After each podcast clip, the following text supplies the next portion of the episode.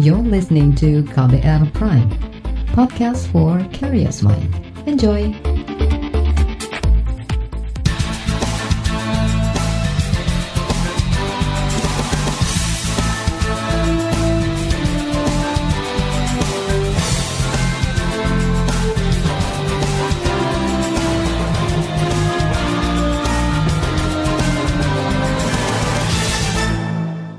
Halo saudara, senang sekali kami bisa menyapa Anda kembali dalam program KBR Sore untuk edisi hari ini, Selasa 27 Oktober 2020. Saya, Sindu Darmawan, kembali menemani Anda selama kurang lebih 30 menit ke depan. Sore ini kita membahas proses penegakan hukum yang dilakukan kepolisian terhadap puluhan pelajar atau anak-anak di bawah umur yang ditangkap karena terlibat aksi unjuk rasa menolak Undang-Undang Cipta Kerja bagaimana proses dan penegakan hukum terhadap pelajar atau anak-anak di bawah umur yang ditangkap terkait demonstrasi menentang Undang-Undang Omnibus Law Cipta Kerja? Apakah penegakan hukum terhadap mereka sudah sesuai aturan Undang-Undang Sistem Peradilan Pidana Anak? Saudara, kepolisian menegaskan akan tetap mempidanakan para pelajar yang terbukti menjadi perusuh unjuk rasa menolak Undang-Undang Omnibus Law Cipta Kerja. Kapolda Metro Jaya, Nana Sujana hari ini menyatakan, meski masih di bawah umur, tapi bukan berarti anak-anak itu tidak bisa dipidana. Meskipun proses peradilan terhadap para pelajar itu dilakukan berbeda atau tidak seperti proses peradilan orang dewasa. Perbedaan itu misalnya proses penahanan dalam rangka pemeriksaan hanya satu pekan, sedangkan orang dewasa bisa ditahan selama 20 hari. Tak hanya itu, pihak kuasa hukum dan orang tua juga diizinkan mendampingi anaknya selama proses pemeriksaan. Berikut pernyataan Kapolda Metro Jaya Nana Sujana saat jumpa pers di gedung promoter Polda Metro Jaya, Jakarta Selatan kemarin. Ada beberapa aksi demo yang dalam hal ini melibatkan para pelajar ya. Tanggal 8 kemudian tanggal 13, tanggal 20 eh, dalam hal ini tentunya kami memang ada upaya-upaya untuk mencari solusi gitu kan, mencari solusi bagaimana untuk mm, mencari solusi hal yang terbaik gitu kan agar para pelajar ini jangan sampai kemudian dimanfaatkan oleh kelompok-kelompok anti kemapanan yang kemudian uh, juga menimbulkan aksi-aksi yang sifatnya anarkis gitu. Jadi kemarin selama beberapa hari demo ada sekitar 2.667 orang yang diamankan itu 70% adalah pelajar. Ya memang dalam hal ini pelajar berasal dari Jakarta, kemudian Bogor, ada juga yang dari Sukabumi, kemudian Subang, juga Indramayu, Bekasi, kemudian Tangerang maupun Cilegon. Nah dari 2.667 kemudian ada 143 orang yang menjadi tersangka dan 67 orang kami tahan. Dari 67 orang ada sekitar 31 orang ini adalah pelajar. Kapolda Metro Jaya Nana Sujana juga mengingatkan para pelajar tidak terjerumus tindakan dan pergaulan negatif.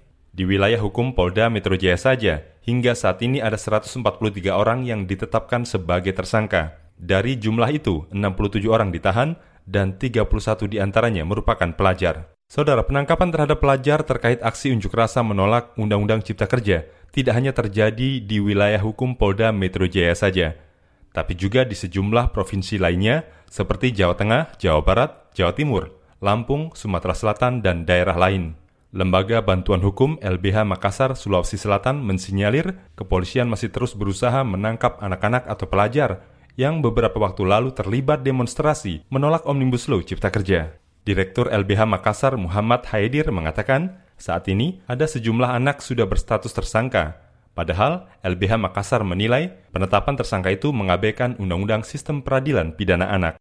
Dari tanggal 7 ya, dari tanggal 7 sampai kemarin ini di, itu selalu ada anak memang yang selalu ada anak yang tertangkap tanggal di sebelum-sebelumnya anak ini dibebaskan. Beberapa anak itu kemudian dibebaskan. Satu kali 24 jam pasca penangkapan. Nah, uh, kabarnya kemarin di aksi terakhir itu bahkan ada anak yang ditersangkakan. Nah, tanpa proses uh, kita tahu kan uh, di undang-undang sistem peradilan anak itu mensyaratkan adanya uh, proses restoratif terhadap anak yang berhadapan dengan hukum. Nah, harusnya kepolisian melihat ini. Itu pertama. Kemudian kedua, sampai saat apa uh, ada bentuk penghalang-halangan juga pendampingan terhadap teman-teman uh, yang ditangkap tidak hanya sekedar anak yang dewasa saja itu uh, memiliki hak apalagi ini adalah anak yang memang diberikan perlindungan khusus oleh uh, yang harusnya diberikan perlindungan khusus oleh negara.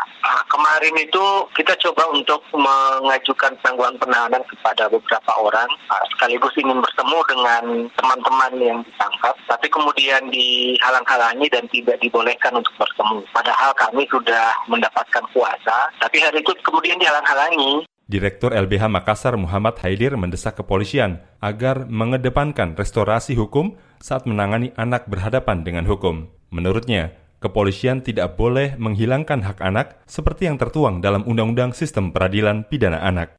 Kami akan tetap menyuarakan pertama hak anak ya. Pertama, bahwa di dalam Undang-Undang Perlindungan Anak juga kemudian diberikan hak anak-anak itu kan sebenarnya diberikan hak juga untuk memberikan me menyatakan pendapat, mengeluarkan pendapat gitu. Itu jelas di undang-undang undang-undang uh, perlindungan anak itu pertama. Sehingga sebenarnya ketika anak kemudian turun ke jalan menyuarakan pendapat, saya pikir itu adalah hal yang sah menurut hukum ya.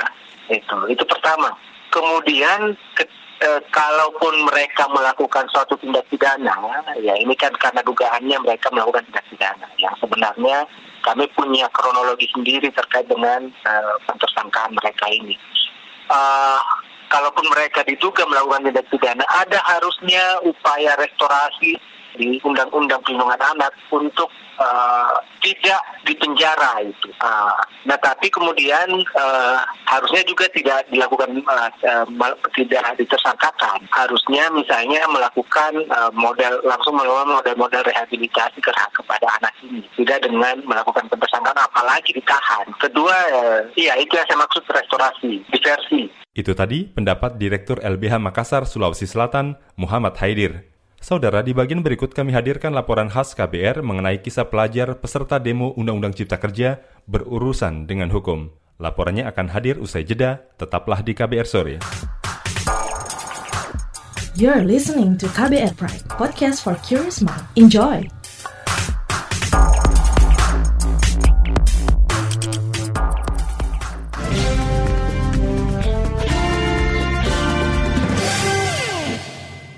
Saudara, banyak pelajar ikut turun ke jalan mengikuti demonstrasi menolak Undang-Undang Cipta Kerja. Tak sedikit yang ditangkapi dan mengalami kekerasan oleh aparat. Mereka dituding sebagai perusuh dan ditetapkan sebagai tersangka. Berikut pengakuan salah satu orang tua anak tersebut. Laporannya dibacakan Astri Yuwanasari. Nanik tak sabar menunggu kabar kepulangan anaknya berinisial AM dari Panti Sosial Marsudi Putra, Surabaya. AM merupakan salah satu pelajar yang ditangkap aparat saat mengikuti demonstrasi penolakan Undang-Undang Cipta Kerja 8 Oktober lalu. AM dituduh merusak fasilitas umum saat unjuk rasa. Nanik mengaku tak menyangka anaknya harus berurusan dengan polisi. Pasalnya, pada hari puncak demo itu, AM masih mengerjakan ulangan tengah semester di rumah. Namun, AM kemudian keluar tanpa pamit. Sehari setelahnya pukul 9 pagi, Nanik mendapat kabar tentang keberadaan AM dari kepolisian.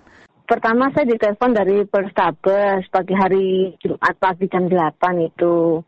Saya dapat berita kalau anak saya katanya ada di sana. Uh, awalnya nggak langsung ketemu sih, karena dia bermasalah, jadi agak ditunda. Dia kan ikutan demo terus dia merusak vaksin. Terus tanggal 9-nya setelah proses anak-anak dipindah ke dinas sosial setiap Sabtu atau Minggu kita bisa ke sana. Kepada Nanik, AM bercerita mendapat kekerasan dari aparat saat penangkapan. AM ditendang di bagian tubuh, sedangkan temannya di bagian wajah. Selain itu, AM juga digunduli aparat. Waktu BAP katanya nggak ada sih, cuma waktu penangkapan dan dari mobil itu ada sedikit kekerasan sih katanya anak-anak. Katanya waktu turun dari mobil itu mereka ada yang diinjak, ada yang ditendang. Iya, katanya anak saya itu badannya yang ditendang. Setelah proses ketemu dengan saya dan dia mau dipindah ke dinas sosial itu baru digunduli dan itu seharusnya dan katanya bapak itu seharusnya nggak terjadi karena mereka kan bukan kriminal dan mereka juga masih anak-anak. Nanik tengah menunggu keterangan bebas dari kepolisian. Pengadilan sudah mengabulkan permohonan penyelesaian di luar pengadilan atau diversi. Namun belum ada kepastian kapan AM bisa pulang. Kemarin kan ada diversi itu kemarin. Sama pihak bapak kan diusahakan ada diversi. Terus kemarin ada diversi juga sih. Dan ini saya masih sudah ada kesepakatan tapi ini masih tunggu apa berkas apa itu. Ketetapan. Ketetapan berkas ketetapan.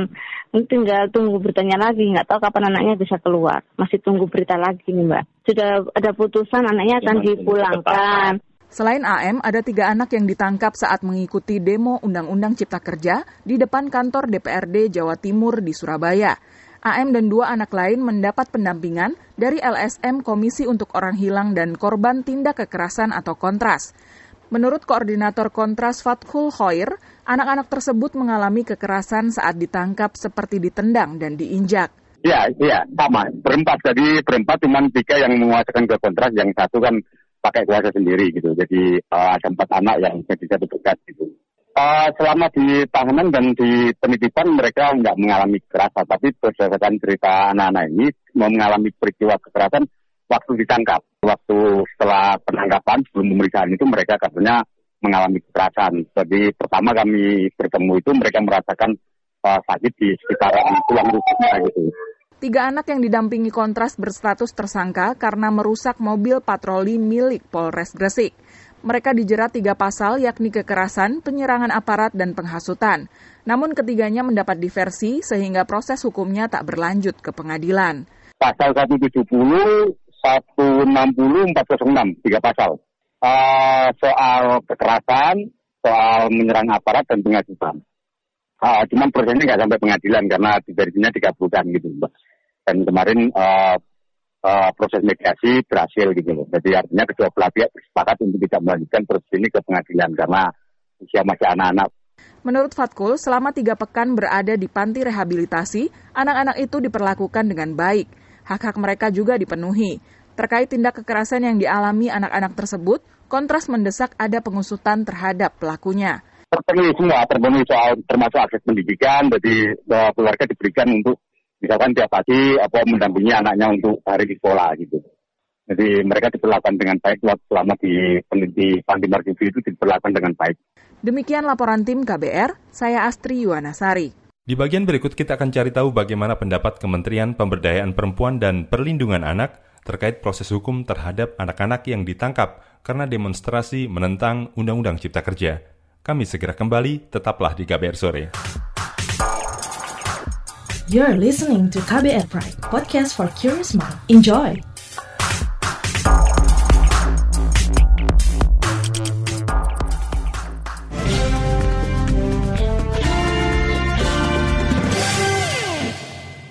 Terima kasih Anda masih bersama kami di KBR Sore. Saudara Kementerian Pemberdayaan Perempuan dan Perlindungan Anak Kemen PPPA mendorong upaya diversi bagi anak yang terjerat hukum dalam unjuk rasa menolak Undang-Undang Cipta Kerja. Dalam Undang-Undang Sistem Peradilan Pidana Anak, hukuman bagi anak dengan ancaman pidana di bawah tujuh tahun harus merujuk pada pemulihan dan tidak mengarah pada hukuman badan. Berikut wawancara jurnalis KBR Wahyu Setiawan dengan Nahar, selaku Deputi Bidang Perlindungan Anak di Kementerian Pemberdayaan Perempuan dan Perlindungan Anak. Sejauh ini apakah Kementerian PPPA memantau dan mengikuti Pak berapa anak yang sampai saat ini masih ditahan oleh polisi terkait aksi demo beberapa hari lalu? Iya, sejak tanggal 8 ya, ketika apa unjuk rasa itu mulai digelar, maka tentu kami coba pantau di lapangan, lalu kemudian juga dari hasil pemantauan itu lalu kemudian ada beberapa yang harus e, mengikuti proses pemeriksaan. Nah, lalu kemudian dalam proses itu memang sudah sesuai dengan SOP, maka ada pendamping. Nah, pendampingan itu dilakukan oleh para pendamping dari unit pelaksana teknis daerah di Provinsi DKI Jakarta. Jadi biasanya para petugas melakukan pemeriksaan, ada pendampingan dan itu sudah didampingi. Tapi poinnya adalah bahwa itu itu sudah hasil pantauan kami sudah sesuai dengan sistem peradilan pidana dan proses di beberapa Polres dan Polda tentu menyesuaikan dengan undang-undang sistem peradilan pidana. Saya menangkap pada sejumlah keluhan Pak dari baik LSM maupun aktivis begitu yang mengeluhkan bahwa anak ini ketika ditangkap justru sulit didampingi Pak, sulit diakses bahkan data-datanya pun sukar untuk didapat di kepolisian. Di pemeriksaan itu biasanya kan ada unit PPA juga kan di masing-masing Polda maupun Polres dan itu biasanya sudah otomatis berada dalam pendampingan itu karena di sistem UPPA itu sendiri juga terhubung dengan para pendamping di unit pelaksana teknis dan di tempat-tempat rehabilitasi gitu. Bagaimana Pak seharusnya penanganan polisi terhadap anak-anak yang berhadapan dengan hukum? Apa saja yang harus didapat oleh anak?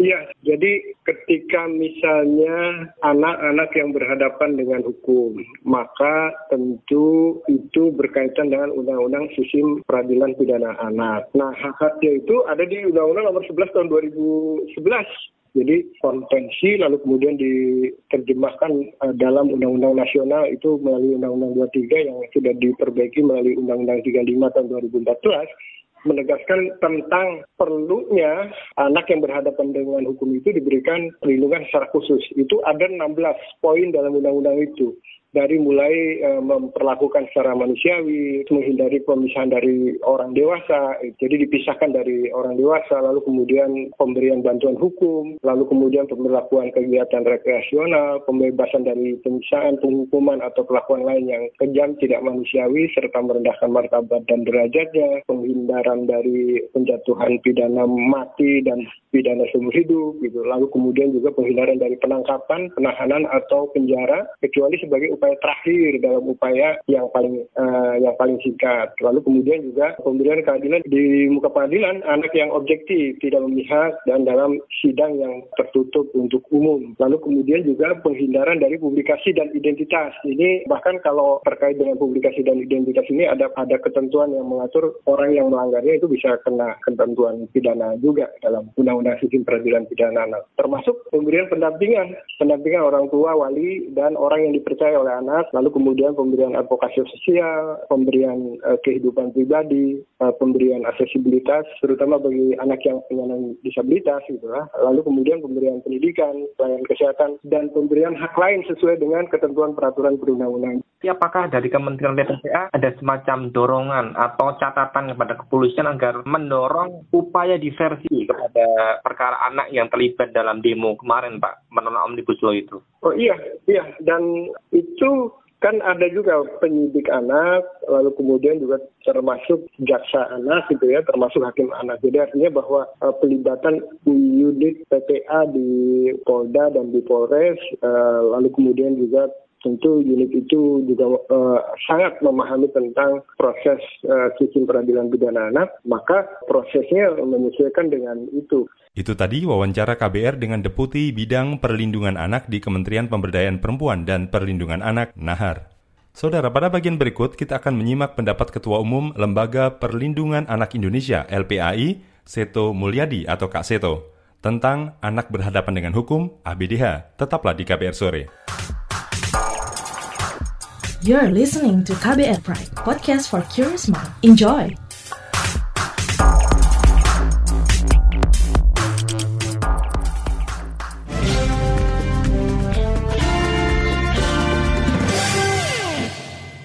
Anda masih mendengarkan KBR Sore. Saudara, para pegiat anak mendesak polisi tetap menjamin hak-hak anak atau para pelajar yang ditangkap polisi terkait aksi unjuk rasa menolak Undang-Undang Cipta Kerja. Bahkan menurut Ketua Umum Lembaga Perlindungan Anak Indonesia LPAI, Seto Mulyadi, anak-anak yang diketahui hanya ikut-ikutan gelombang unjuk rasa dan tidak melakukan perbuatan melawan hukum harus secepatnya dikembalikan lagi kepada orang tuanya masing-masing. Selama ini penanganan pihak kepolisian terhadap anak berhadapan dengan hukum atau ABDH kerap tidak tepat. Menurut Kak Seto, bagaimana semestinya penanganannya? Itu yang kami kritisi. Pada waktu uh, masih waktu pilpres waktu itu, kemudian kemarin kami langsung datang ke Polda, Polda Metro ya, mengingatkan pihak kepolisian, mohon ini anak-anak tetap mendapatkan hak-haknya sebagai anak Bahkan kami juga mendesak uh, yang memang tidak yang hanya ikut-ikutan, tidak melakukan suatu tindak kekerasan dan uh, sesuatu yang memang melanggar hukum, mohon secepatnya dikembalikan kepada orang tua. Bahkan kami menjanjikan juga waktu kemarin kalau ada yang memang belum dijemput orang tua dan sebagainya, kami akan juga ikut membantu uh, kepolisian supaya memenuhi hak anak segera kembali ke orang tua. Tetapi setelah itu, misalnya nanti tanggal 2 November kalau tidak salah kan akan ada demo lagi, kami juga tapi mendesak uh, semua pihak termasuk kepala sekolah, termasuk dinas pendidikan untuk memberikan ruang-ruang secara online atau secara daring untuk menyalurkan. Ya. Misalnya kalau memang betul-betul ini mengkritisi atau apa, ya silahkan berdiskusi melalui media daring uh, untuk uh, betul-betul uh, ya melihat kemurnian dari suara anak-anak ini, bukan dari hasil eksploitasi atau uh, rekayasa pihak lain begitu. Kemudian bagaimana cara mengantisipasi agar anak tidak langsung berhadapan secara hukum? Memang harus ada upaya peringatan yang sangat uh, efektif kepada anak-anak, uh, baik melalui uh, jalur sekolah maupun juga jalur RT RW begitu bahwa ini adalah dilarang karena itu adalah bukan bidangnya anak-anak. Artinya bahwa hak berpolitik, hak mengemukakan pendapat itu itu di, dijamin yaitu sudah melalui salurannya. Apakah melalui kegiatan sekolah, apakah melalui juga ada forum anak yang diselenggarakan oleh pemerintah, dan juga dari kami, dari LPAI, juga selalu menyelenggarakan apa yang disebut Kongres Anak Indonesia. Kemarin kami baru saja menyelenggarakan juga pada bulan September kemarin secara virtual. Ya, pendapat anak-anak segala macam dengan tidak ada campur tangan orang tua uh, atau guru dan dia itu di, diberi kesempatan dan sehingga anak-anak juga mempunyai suara sesuai dengan uh, isi hati yang murni dari anak-anak. Jadi bukan hasil eksploitasi atau rekayasa atau pemanfaatan anak-anak oleh pihak-pihak lain begitu pesan dari RPAI kepada aparat kepolisian terkait dalam menangani anak berhadapan dengan hukum seperti apa ya Kak? Aparat penegak hukum mohon tetap mengedepankan kepentingan terbaik bagi anak. Bahwa anak-anak harus tetap dilindungi dan tetap ada pengarahan kerjasama antara kepolisian dengan uh, dinas pendidikan atau Kementerian Pendidikan secara nasional supaya betul-betul anak-anak bisa menyalurkan energinya dengan cara yang lebih tepat dan positif. Itu tadi Ketua Umum Lembaga Perlindungan Anak Indonesia LPAI, Seto Mulyadi atau Kak Seto. Saudara, dalam menegakkan hukum terhadap anak-anak dikenal yang namanya diversi atau pengalihan penyelesaian perkara anak dari proses peradilan pidana ke proses di luar peradilan pidana. Hal itu diatur di dalam Undang-Undang Sistem Peradilan Pidana Anak. Tapi dalam diskusi daring yang diselenggarakan Lembaga Profesi Dunia Usaha pertengahan Oktober lalu, Kepala Pusat Analisis dan Evaluasi Hukum Nasional Badan Pembinaan Hukum Nasional BPHN Kemenkumham, Listarini Wulandari mengakui pelaksanaan diversi terhadap anak berhadapan dengan hukum masih memiliki banyak kekurangan. Misalnya dalam Undang-Undang Sistem Peradilan Anak, terdapat delapan materi yang diperintahkan untuk diatur lebih lanjut. Tapi faktanya hingga kini baru ada tiga peraturan pemerintah dan satu peraturan presiden yang dibuat. Kekurangan lainnya untuk menerapkan diversi adalah pembangunan infrastruktur seperti Balai Pemasyarakatan BAPAS, Lembaga Pembinaan Khusus Anak LPKA, dan Lembaga Penempatan Anak Sementara LPAS. Akhirnya saudara, sampailah kita di penghujung acara KBR Sore edisi Selasa 27 Oktober 2020. Pantau selalu informasi terbaru melalui situs kbr.id, Twitter kami di akun @beritaKBR, serta podcast di alamat kbrprime.id. Saya Sindu Darmawan bersama kerabat kerja yang bertugas undur diri. Salam.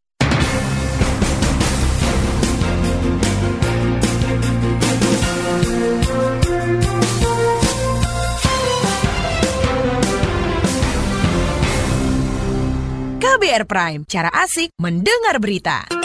KBR Prime, podcast for curious mind.